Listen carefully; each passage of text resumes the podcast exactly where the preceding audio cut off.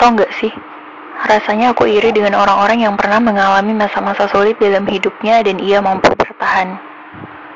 Aku juga iri dengan mereka yang mampu mengalahkan hawa nafsunya. Aku iri dengan mereka yang selalu istiqomah berada di jalan ketaatan. Rasanya diri ini belum ada apa-apanya. Aku iri dengan mereka yang hari-harinya diisi dengan hal-hal yang produktif. Aku iri dengan mereka yang tak pernah melewatkan sedetik pun tanpa melakukan kebaikan. Aku juga iri dengan mereka yang mampu melahap ratusan bahkan ribuan buku karena rasa ingin tahunya. Aku juga iri dengan mereka yang bersungguh-sungguh dalam menuntut ilmu lalu mengamalkannya. Aku iri dengan mereka yang selalu bisa merasakan nikmatnya ibadah. Aku juga iri dengan mereka yang terjaga dari maksiat. Dan aku iri dengan mereka yang mampu menghafalkan Al-Quran dengan mudahnya. Aku pun iri dengan mereka yang menghabiskan seluruh waktunya untuk menjadi bermanfaat.